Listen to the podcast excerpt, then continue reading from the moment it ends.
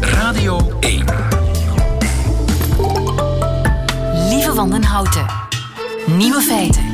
Dag en welkom bij de podcast van Nieuwe Feiten van 25 november 2021. In het nieuws vandaag dat Tijl Uilenspiegel, onze Tijl Uilenspiegel, deze week heel even te zien was in Wit-Rusland.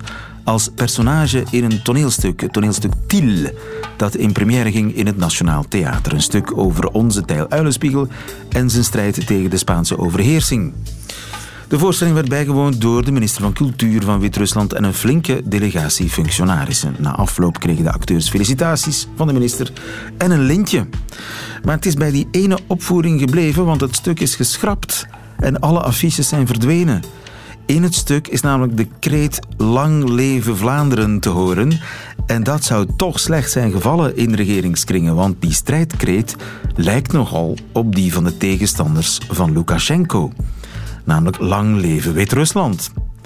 En nu duiken overal pamfletten en affiches op met de slogan Lang leven Vlaanderen. Als steun aan het theatergezelschap. Maar vooral als nieuwe politieke slogan tegen het regime. Maak dat mee. De andere nieuwe feiten vandaag. Magdalena Andersson wordt wellicht toch premier van Zweden, zij het van een eenpartijregering. Reclame wil je tegenwoordig niet direct iets verkopen. Bart de Pauw wil nog niet zeggen of hij in beroep gaat tegen zijn veroordeling. En Rika Ponet beantwoordt de vraag van Klaartje die hierop neerkomt. Mijn man zegt dat hij nooit verliefd op mij geweest is. De nieuwe feiten van Nico Dijkshoorn hoort u in zijn middagjournaal. Veel plezier. Nieuwe feiten. Televisiemaker Bart de Pauw is veroordeeld tot uh, zes maanden voorwaardelijke gevangenisstraf uh, voor stalking. Filip Heijmans, goedemiddag. Goedemiddag, lieve. Filip, jij bent... Uh, waar ben je eigenlijk? Ik ben nu in uh, Mechelen, vlak voor de deur van productiehuis Koekentroef, dus het productiehuis van Bart de Pauw, waar zijn advocaat net nog een statement heeft gegeven uh, als eerste reactie op uh, die veroordeling van daarnet. En de vraag is natuurlijk, gaat hij in beroep? Dat is inderdaad de vraag, maar daar hebben we helaas nog geen antwoord op gekregen. Uh, ze hebben net het vonnis wat gelezen en ze vinden dat het al bij al nog meevalt. In die zin, de paus stond terecht voor belaging van 13 vrouwen, is uiteindelijk veroordeeld voor belaging van 5 vrouwen. En de advocaten relativeren dat, zeggen ja, één daarvan was bijvoorbeeld de medeoprichter van Koekentroef met wie hij een zakelijk conflict had. Uh, het gaat ook vaak over heel oude feiten al. Dus er zijn twee meer recente zaken bij, die van El Arjoun Honrar bijvoorbeeld. En daarvoor heeft hij zich toch ook verontschuldigd. Dus zij vinden het had veel erger kunnen zijn, maar tegelijk blijft het natuurlijk wel een veroordeling. Dus ze gaan er nu eens goed over nadenken of ze beroep gaan aantekenen. Ja, en uh, de advocaat van de burgerlijke partij, die hebben nog niet gereageerd. Wel, even heel kort, uh, toen ze het gebouw buiten kwam, heeft advocaat Christine Mussen wel gereageerd. Gezegd van kijk, we zijn in elk geval blij dat er een veroordeling is. Dat uh, Bart de Pauw het signaal heeft gekregen dat zijn gedrag wel degelijk strafbaar was. Maar natuurlijk, uh, van de vrouw die zij vertegenwoordigde, de, de, negen vrouwen die burgerlijke partij waren, zijn er maar drie die een schadevergoeding hebben gekregen en die dus erkend zijn als slachtoffer. Dus ook zij hebben nu de kans om tegen die uitspraak in beroep te gaan, net als het parket trouwens. Dus er is nog veel mogelijk en de kans dat er iemand beroep zal aantekenen lijkt mij wel groot. Ja. Uh, de advocaat uh, Verhagen, Michael Verhagen, die was naar het schijnt heel scherp voor het uh, Instituut voor Gelijke Kansen. Ja, uh, dat heeft hij ook al gepleit tijdens het proces. Hij heeft gezegd, kijk, die feiten op zich, dat viel allemaal wel mee. Dat was vooral uh, goed bedoeld vanuit Bart de Pauw. Maar een aantal van die vrouwen onder impuls van dat Centrum voor de Gelijkheid van Vrouwen en Mannen, die, die zijn zich activistisch beginnen op te stellen. En die hebben andere vrouwen, die eigenlijk eerst geen probleem zagen, hebben die overtuigd dat er wel een probleem was om zich dan aan te sluiten bij die klacht. Dus zij hebben dat de hele tijd al gezegd, dat centrum heeft daar een heel kwalijke rol in gespeeld en die vrouwen zitten opstoken eigenlijk om een klacht in te dienen of om zich aan te sluiten bij die klacht tegen Bart de Pauw. Nu, het centrum heeft zelfs nog niet gereageerd, zit ook bij advocaat Mussen en uh, de rechtbank heeft daarover geoordeeld dat het centrum uh, geen schadevergoeding krijgt, dat het zich ten onrechte burgerlijke partij had gesteld hier. Dus zij hebben wel ongelijk gekregen van de rechtbank alleszins. Ja, als uh, het vonnis uh, blijft staan, als er niemand beroep aantekent of uh, nadien als het vonnis in beroep wordt bevestigd, ja, dat betekent ook dat de strategie van Bart de Pauw om een schadevergoeding te eisen van de VRT, dat daar meteen ook een streep wordt doorgetrokken. Dat is nog niet gezegd, denk ik. Uh, je kan dan inderdaad zeggen hij eist een schadevergoeding omdat de VRT de samenwerking met hem uh, ten onrechte niet verlengd heeft. Uh, en, en, dan zou de VRT in dat andere proces dat daar dan over gaat, zou de VRT kunnen zeggen van kijk, die man is wel degelijk veroordeeld, dus er was iets aan de hand. We hebben, hem, we hebben terecht die samenwerking stopgezet. Anderzijds is het argument van de Pauw wel geweest dat de VRT op dat ogenblik dat ze die samenwerking stopzetten nog niet genoeg wist. Dat ze op basis van heel weinig informatie dat gedaan hebben. Dus dat zou hij in dat geval nog altijd wel kunnen pleiten, denk ik. Uh, van wat wist de VRT eigenlijk op dat ogenblik echt en volstond dat om die samenwerking dan stop te zetten? Ja. We zullen zien hoe dat afloopt. In ieder geval uh, voorlopig geen beroep. Of niet, uh, ze laten niet in hun kaart kijken. Ik vind het wel vreemd. Je zou toch denken dat als ze een verklaring, met een verklaring naar buiten komen, dat ze meteen zeggen: ja, we gaan in beroep of we doen het niet. Tja, natuurlijk. Ze hebben dat vonnis nog maar net gelezen. Hè. Uh, dus, dus, ze moeten dat even laten bezinken. Ze hebben daar ook een bepaalde termijn voor. Uh, twee weken, als ik me nu niet vergis, om beroep aan te tekenen. En dan is het ook een beetje naar elkaar kijken, denk ik, onder die partijen. Van wie gaat nu als eerste die stap zetten? Wie doet wat? Uh, en nog niet meteen in de eigen kaart te laten kijken. Vaak wordt er echt tot op de deadline gewacht om dat te doen. Dus we zullen zien. Maar ik zeg het, ik, ik acht de kans wel groot dat we over x aantal maanden voor het Hof van Beroep in Antwerpen gaan staan om deze zaak over te doen. Duidelijk, Filip Heijmans, dankjewel. Goedemiddag. Vraag het aan Rika.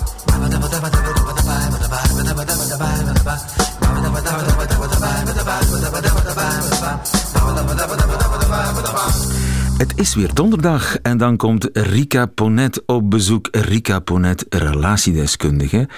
En degene die al uw relationele knopen zal doorhakken. Uw vragen zijn altijd welkom bij Nieuwe Feiten uit Radio1.be. Uw vragen die gaan over de liefde, over de familie, over wat dan ook in de relationele sfeer. Misschien kunnen wij u wel helpen. Goedemiddag, Rika. Goedemiddag. Ik heb post voor u gekregen van Klaartje. Zal ik hem voorlezen? De mail van Klaartje. Zij schrijft: Mijn partner en ik zijn intussen anderhalf jaar samen, maar onlangs bekende hij dat hij nooit verliefd is geweest op mij. Alright. Wel is hij ongelooflijk veel van mij gaan houden, zegt hij. Dit sloeg natuurlijk in als een bom bij mij. Hoe kan ik hiermee omgaan? Hij zei ook dat hij deze liefde nog nooit eerder ervaren heeft. Als in nog nooit zo'n diepe connectie gehad met iemand. Schrijft Klaartje, hoe kan ik daarmee omgaan? Ja, Rika? Ja, ik denk dat de meest betekenisvolle zin die ik daarin hoor, um, dit sloeg uiteraard in als een bom, zegt ze. Ja. Waarom is dat zo betekenisvol? Um, ja, het is eigenlijk op zich een heel mooi verhaal en toch vindt ze Jij vindt het een mooi verhaal? Ja, ik vind het een mooi verhaal. Ik ben nooit verliefd geweest op u, na anderhalf jaar. ja, maar... Dat is toch een shock? Um, ja, en waarom is dat een shock? Omdat wij uh, vandaag er altijd opnieuw weer van uitgaan dat er in de liefde één scenario is. Hè. Um, en zij blijkbaar ook. Um, uh, man ontmoet vrouw of man ontmoet man, vrouw ontmoet vrouw. Um, Bliksems, donderslag. Bliksem, donderslag, ja. Um, het, uh, het klikt direct. Wij zijn voorbestemd voor elkaar. Het Hollywood-scenario. Um, we voelen het allebei. Er is totale overgave. Je wordt overspoeld.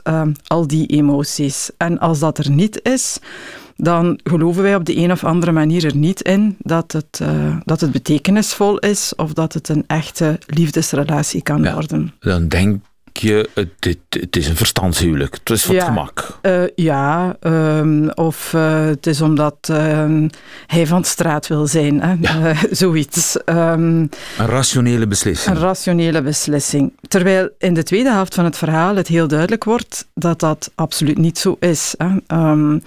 En ik ook heel vaak in de praktijk zie, maar ook uit onderzoek blijkt, dat het merendeel van de relaties helemaal niet tot stand komt via dat scenario van ik zie de andere en ik weet het direct en dat is de ene, de ware, de juiste.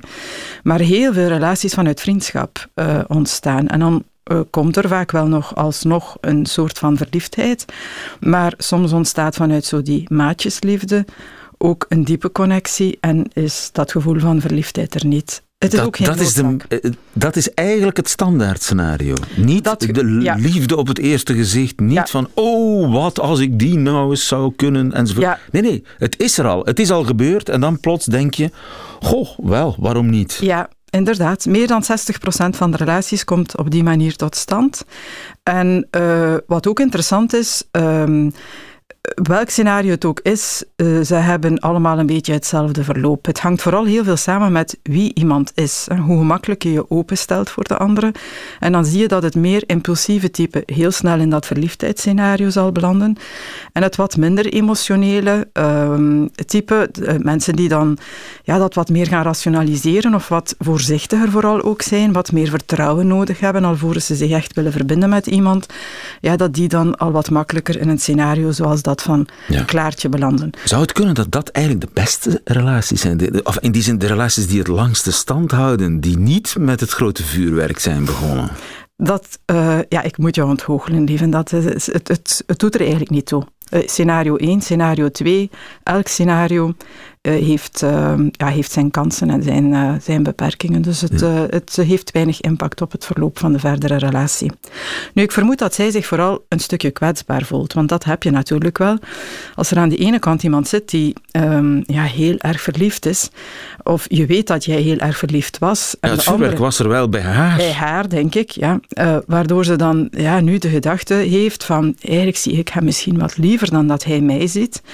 Um, dat zorgt voor een soort van onevenwicht en ook voor een soort van kwetsbaarheid. Hè. Misschien heb ik al wat meer gegeven in die relatie of sta ik daar inderdaad wat kwetsbaarder, wat afhankelijker in uh, dan de andere. En, um, is dat een probleem? Niet noodzakelijk. En zeker niet als ik dan uh, uh, hoor wat uh, de rest van het verhaal is. En wat ik eigenlijk super vind. Dat hij nog nooit zich met iemand op deze manier heeft verbonden en nog nooit de liefde op deze manier heeft ervaren. Hoe uniek en hoe mooi is dat? Vandaar dat ik zeg, ja, ik vind het eigenlijk een heel mooi verhaal. Um, het toont ook vooral aan dat het goed is om wat los te komen van dat Hollywood-scenario en uh, in het algemeen ons wat meer open te stellen voor ja, de vele manieren waarop uh, liefde op ons pad kan komen. Ja. Inderdaad, en Klaartje, haar hemel is opgeklaard. Mag ik hopen? Ja, en ik met jou, lieve. Ja. Nieuwe vragen altijd welkom bij Nieuwe Feiten uit radio1.be. Tot volgende week, Rika. Graag. Nieuwe Feiten. Radio 1. Koop ons product en uw leven wordt een feest. Dat is zo wat de boodschap van uh, elke reclame. Sorry, dat was de boodschap van zowat elke reclame, want tegenwoordig wil reclame u niets meer verkopen. Tenminste, zo lijkt het op het eerste gezicht. Lieselot Hudders, goedemiddag. Goedemiddag. Je bent professor communicatiewetenschappen in Gent aan de universiteit. We worden tegenwoordig naar het schijnt overspoeld door content marketing. Wat is dat? Ja, dat is eigenlijk een reclametactiek waarbij uh, adverteerders interessante, leuke inhoud maken voor consumenten. Waarbij dat het eigenlijk op het eerste zicht niet echt duidelijk is dat het echt een, reclameboodschap is, dat een merk wordt uh, gepromoot. Het is eigenlijk uh, ja, interessante recepten, leuke quizjes, leuke vragen, inspelen op de actualiteit. doen wat wij doen eigenlijk echt... in Nieuwe Feiten. Ja. Ja, inderdaad. Ja. Maar dan eigenlijk met de onderliggende bedoeling om een merk te promoten. En dat is ja. geen uitzondering tegenwoordig. Nee, het is voor een adverteerder natuurlijk heel moeilijk om nog eh, de aandacht van de consument te trekken. We worden overspoeld met reclame, zowel op eh, tv, maar ook online. We zijn de dag door met onze smartphone bezig. Op sociale media zijn er heel wat nieuwe reclamevormen mogelijk en we worden eigenlijk de dag door overspoeld met reclame. Dus het is voor een adverteerder heel moeilijk om nog die aandacht te trekken, want wij als consument worden eigenlijk niet zo graag beïnvloed. We gaan dan onze stekels opzetten, we gaan dan wat weerbaar zijn. En we hebben eigenlijk allerlei strategieën ontwikkeld om toch maar die reclame te ontwijken, te negeren. Dus vanaf wij doorhebben dat het om een reclameboodschap gaat, dan gaan wij die eigenlijk gaan negeren. En als je via content marketing kan inspelen op dingen die mensen echt interessant vinden, ga je wel die aandacht trekken en ga je er wel in slagen om op te vallen tussen die reclameklutter. Zeg, Matthias, goedemiddag trouwens. Goedemiddag. Matthias Dont van de redactie van uh, Nieuwe Feiten. Uh, jij bent dus op zoek gegaan naar dat soort content marketing. Is mm -hmm. dat makkelijk te vinden? Wel, eens je gericht naar op zoek gaat, wel, dan, dan bleek dat ook mijn Twitterpagina, mijn Facebookpagina echt overspoeld wordt door dat soort boodschappen. Maar ik moet eerlijk zijn, ik was er mij ook niet echt bewust van okay. tot, tot, gisteren. En wat heb je bijvoorbeeld gevonden? Het, het, het eerste voorbeeld dat ik uh, vond was um, de Twitter-account van bol.com, de webwinkel. Um, die beantwoorden vragen van klanten, leveringen die niet goed gaan. Maar die proberen eigenlijk ook de vrolijke Frans te spelen op, uh, op Twitter door uh, leuke spelletjes, door woordgrapjes te posten. Ik heb een aantal voorbeelden mee. Bijvoorbeeld een, uh, een bericht van een paar dagen geleden. Het juiste vriendenboekje kiezen is maatwerk wordt dan tientallen keren geretweet. Mensen vinden dat blijkbaar heel grappig. Of een, of een andere. Sommige bestellingen worden gedaan met zulke rare adressen dat we het niet thuis kunnen brengen. Wauw. Ja. En de bedoeling is dan om, zoals dat dan heet, viraal te gaan. Uh, en naarmate je, ja, dan creëert die reclame eigenlijk zichzelf. Ja, en wat ik gezien heb, is dat mensen reageren daarop met andere varianten van hetzelfde mopje. En op die manier krijgen ze heel veel interactie op die accounts, zie ik, zonder dat het specifiek over een product gaat. Maar mensen retweeten die boodschappen en ik denk dat zij op die manier ook op profielen te zien zijn van mensen die die accounts nog niet volgen en dat okay. dat de bedoeling is. Ja, ja, ja. Heel slim van bol.com. Zijn, zij zijn er duidelijk heel goed in. Zijn er nog andere bedrijven goed in, in content marketing? Ik had ook een voorbeeldje heel snel gevonden van Lidl. Uh, Lidl is een van de sponsors van de ploeg van Mark Cavendish, de wielrenner die afgelopen weekend gevallen is uh, tijdens de Zesdaagse van Gent. En zij hebben een, een bericht gestuurd naar Mark Cavendish van Mark, um, we weten dat je een aantal ribben gebroken hebt. Wij hebben ribben in de aanbieding. Oh nee. Ja. Maar, dat is iets minder subtiel, ja, vind ik. Precies, ja. Maar wat zij wel gedaan hebben, blijkbaar, um, afgelopen week, is er bij heel veel mensen in de bus, dat is dan offline, een, een, een soort magazine uh, aangekomen, vol met boordevol lekkere recepten, tips om, om de feesttafel aan te kleden voor de feestdagen. Um, oldschool reclame? Oldschool, ja, maar het ziet eruit als een magazine dat je zou kopen. Als, als de Flair of de Libel alleen staat het boordevol producten van, van Lidl en is alles wat daarin staat te ja, koop. Maar ze maken dat niet zo heel expliciet de, duidelijk. De, publi-reportage, ja, zoals dat precies, dan... Uh, ja. Dat is ook een, een, een oude truc. Nog één voorbeeldje? Ja, um, Spotify, die maken elk jaar, op het einde van het jaar, voor elke gebruiker een gepersonaliseerd jaaroverzicht. Ja. Um, en dat kan je zien Juist. van, ik heb, dat nummer is mijn meest beluisterde nummer, ik heb zoveel uren geluisterd. En ze maken het als een cadeautje. Als een cadeautje, maar de bedoeling is dat mensen dat gaan delen. Want mensen zijn er wel trots op. Van, ik Kijk eens, dat is mijn, mijn muzieksmaak en ik komen zoveel procent overeen en zo. Maar dat is wel marketing, dat wordt blijkbaar tientallen miljoenen keer gedeeld en op die manier zijn jij en ik wel reclame aan het maken voor Spotify. Zonder, ja, we zijn ons aan het amuseren, maar eigenlijk zijn we ook reclame het, aan het maken voor het, gratis dan nog. Het bij logootje van Spotify gaat op die manier de wereld rond. Uh, kan dat, uh, Lieselot, ook gebruikt worden, die truc, om uh, bijvoorbeeld een verbod op reclame te omzeilen? Ja, er is een, een, onderzoek geweest inderdaad naar gokreclame en hoe mensen worden blootgesteld aan gokreclame en of ook jongeren daaraan worden blootgesteld, want eigenlijk mogen zij niet gokken en zouden zij zo'n reclame ook niet mogen te zien krijgen. Het was een onderzoek op Twitter waarbij ze hebben gekeken uh, hoe bookmakers, gokbedrijven Twitter gebruiken om aan content marketing te doen. Dus eigenlijk niet zo'n opvallende uh, vorm van reclame. En het wordt eigenlijk ook niet weergegeven als reclame. Het wordt niet, ook niet aangeduid dat het reclame is. Um, en dan blijkt eigenlijk dat heel wat van uh, die accounts gevolgd worden door jongeren en, en zelfs kinderen onder, onder de 15 jaar. Ja. Dus, ja. dus het wordt wel degelijk gebruikt door gokkantoren zo blijkt uit onderzoek in Engeland, om jongeren te bereiken, die content marketing. Dat, is, dat klinkt gevaarlijk. Ja, kinderen en jongeren zijn eigenlijk meer kwetsbaar voor reclame, omdat ze nog minder kennis en vaardigheden hebben om daar op een kritische manier mee om te gaan. Die kennis verzamel je doorheen um, ja, de, de leeftijd. Dus uh, je hebt daar bepaalde vaardigheden uh, voor nodig. Je moet je emoties onder controle uh, kunnen houden. Je moet ook weten dat iemand anders jou kan proberen manipuleren, dat die persoon andere motieven heeft dan jezelf. Dat is een theory of mind. En dat ontwikkelt zich doorheen de kindertijd. En eigenlijk ook de ervaring die je hebt met uh, reclame le leert je eigenlijk hoe dat je er op een goede manier mee uh, om moet gaan.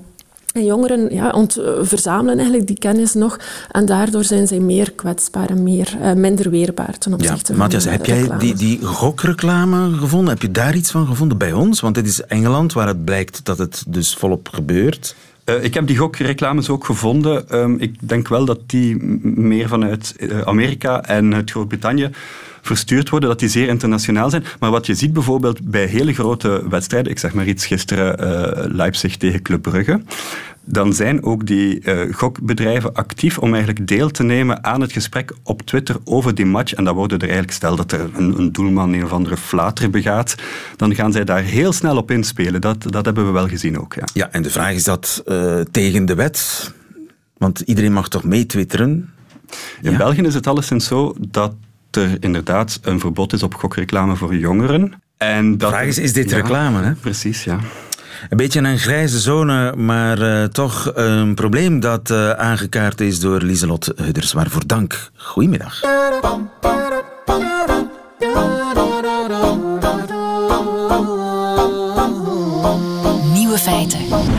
Was een dag vol primeurs gisteren in de Zweedse politiek, want het land kreeg voor het eerst een vrouwelijke premier.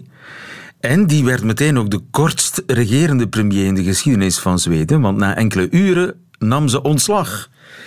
Tegelijk kondigde ze aan dat ze toch weer premier wil worden, maar dan van een eenpartijregering. Jag har också meddelat att jag är fortsatt redo att bli statsminister, men för en socialdemokratisk enpartiregering. Magdalena Andersson gaat voor een regering met maar één partij. Anne Grietje Fransen, goedemiddag. Goedemiddag. Onze vrouw in uh, Zweden, wat een voede viel daar. Ja, we moeten er allemaal een beetje van bekomen. Maar, um... Onzweets, dat in elk geval. Heel onzweet, ja. Maar er was een rood-groene regering in Zweden onder leiding van premier Löfven, hè? Dat was zo. Dat klopt. Zover, ja, zover was ik. Wat is daarmee zover gebeurd? was ik. Stefan Löfven, die kreeg eerder dit jaar al een motie van wantrouwen. Uh, toen is hij uh, opgestapt. Later is hij weer teruggekeerd. Maar heeft hij op den duur afstand gedaan van uh, zijn partijleiderschap. Hij had er geen zin meer in. Hij, hij was er klaar mee en hij wilde denk ik ook ruimte maken voor iemand nieuws. Uh, in aanloop naar de komende verkiezingen van september. En dat was dan die Magdalena Andersson? En dat was Magdalena Andersson. Dus die is naar voren geschoven als kandidaat premier. En over haar premierschap is gisterochtend gestemd. Um, en zonder meerderheid uh, tegen zich werd zij dus, kreeg zij groen licht om de nieuwe premier te worden. Ja, dus ze was premier, weliswaar zonder meerderheid, maar er was ook geen meerderheid tegen haar. Dus kan zij premier blijven of worden. Precies, en toen? daar leek het op. en toen moest er smiddags worden gestemd over de begroting. En toen bleek het dus dat er geen meerderheid voor haar begroting was. Dus voor die begroting heb je wel een meerderheid van voorstemmen nodig. En dat had ze niet. Um, de oppositie had dat wel. Dus uiteindelijk won het begrotingsvoorstel van de rechtse oppositie. En dat kon zij, kon kon dat accepteren. Dus zij had al van tevoren gezegd: als inderdaad de begroting van die op oppositie uh, een meerderheid van stemmen krijgt, dan ben ik bereid om te regeren met de oppositiebegroting. Um, maar haar coalitiepartner, dat is de Milieupartij of de Groenen, die heeft gezegd: ja, maar dat gaan wij niet doen, daar gaan wij niet aan beginnen. Want die oppositiebegroting is mede onderhandeld door de anti-immigratie Zweden-Democraten. Dus dat is een vrij extreemrechtse partij binnen de Zweedse politiek. Ja, de Zweedse Democraten, dus, zo heten die. Precies. En dus, toen, en dus de Groene zegt, ja, maar aan die regering doen wij niet mee. En dan heeft vervolgens uh, Andersson beslist, ja, maar dan, dan doe ik het wel alleen. Met alleen mijn partij, de Sociaaldemocraten. Precies, maar op het moment dat de regering uit elkaar valt, kan een premier eigenlijk niks anders dan zeggen: ik treed af. Dus dat heeft Andersen gedaan gisteren. Maar hoeveel kans maakt ze dat ze effectief weer premier wordt, weliswaar dan van die eenpartijregering?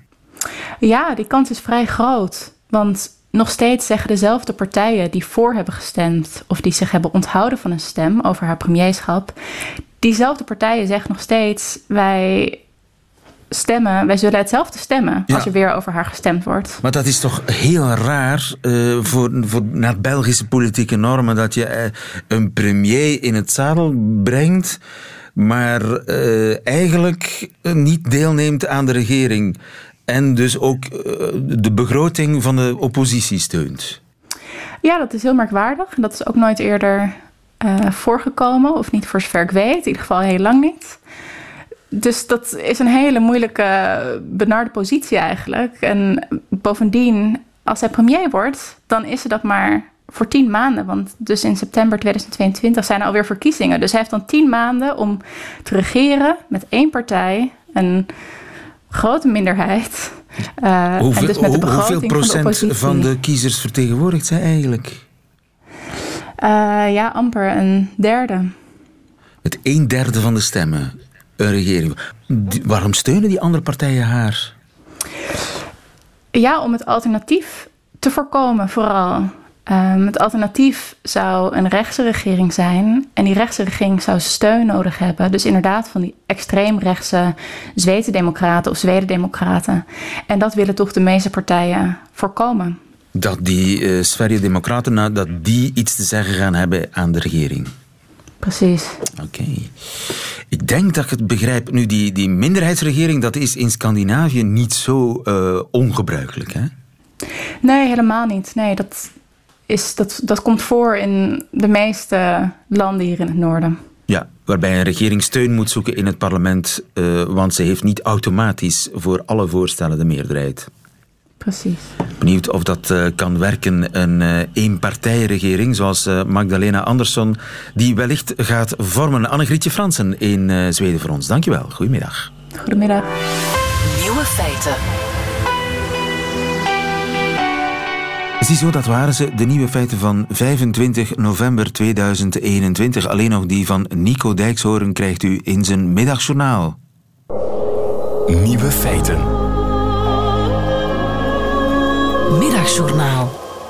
Beste luisteraars, omdat ik gisteren nogal in een apocalyptische bui was en hardop droomde over de teloorgang van het menselijk ras, en omdat presentator Lieven mij daarna afkondigt als het zonnetje in huis, heb ik gistermiddag en gisteravond alles weer goed gemaakt met iedereen. Ik heb urenlang op Twitter, Facebook en Instagram mensen blij gemaakt. En dat is heel eenvoudig, want het hoeft namelijk niet onder je eigen naam. Ik heb lukraak complimenten uitgedeeld onder verzonnen namen. Ik weet zeker dat ik daar heel veel mensen heel gelukkig mee heb gemaakt. Een paar voorbeelden.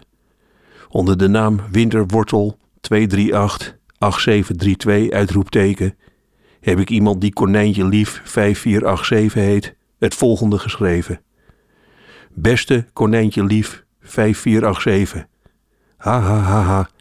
Wat een leuke foto's van je konijn met een heel klein papieren hoedje op zijn kop. Hoe kom je erop? Mooi gefotografeerd ook hoor. Het is soms net alsof het konijn bij je op schoot zit. Ook geweldig die fotoserie van dat konijn verkleed als een indiaan. Met die twee strepen rode verf onder zijn ogen en dat bijltje dan zogenaamd in zijn voorhoofd. Ik geniet enorm van je foto's. Ga zo door. Onder de naam Torpedo Crazy Guy 6793 heb ik daarna op Twitter iemand die Nuke Them All To Dead 5143 heet, gecomplimenteerd met zijn taartjes in de vorm van handgranaten. Beste Torpedo Crazy Guy 6793, wat een ontzettend leuk idee. Dit had ik nou graag zelf willen verzinnen. Mijn vader probeerde handgranaten te maken van oude radioonderdelen. Dan hoorden we een kleine ontploffing in zijn schuurtje en dan kwam hij daarna zonder overhemd de kamer binnen. Dan is dit, wat jij doet, veel gezelliger. Ga zo door. De fijnste anonieme ondersteuning schreef ik aan vrouw alleen 7724567. Ik heb haar geschreven: Beste vrouw alleen 7724567. Ik geniet enorm van je berichtjes op Twitter. Je haar wassen in de stoom boven een pan kokende aardappelen, dat is een gouden tip. Dat soort dingen verzin je alleen als je heel lang alleen bent. Maar jij, jij deelt het tenminste met ons. Ik wil je zeggen dat je niet meer alleen bent. Want ik lees je berichten. Ik geniet enorm van je foto's. Leuke gordijnen heb je. Mooi recht opgehangen. En ze kleuren heel mooi bij de vloerbedekking. Je denkt misschien, wat zal ik al die moeite doen? Ik ben maar alleen. Maar weet dat ik iedere dag kijk wat je nu weer allemaal hebt meegemaakt in je huis. Ik wil maar zeggen, ga zo door. Groeten van Mental Jailbuster Naked Titties Looker 5496.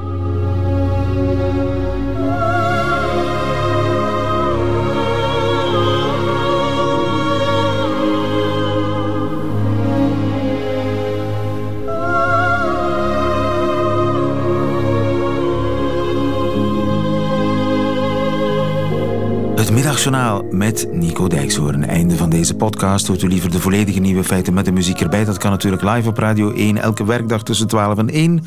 Of on demand via radio1.be of de Radio 1 app. Tot een volgende keer.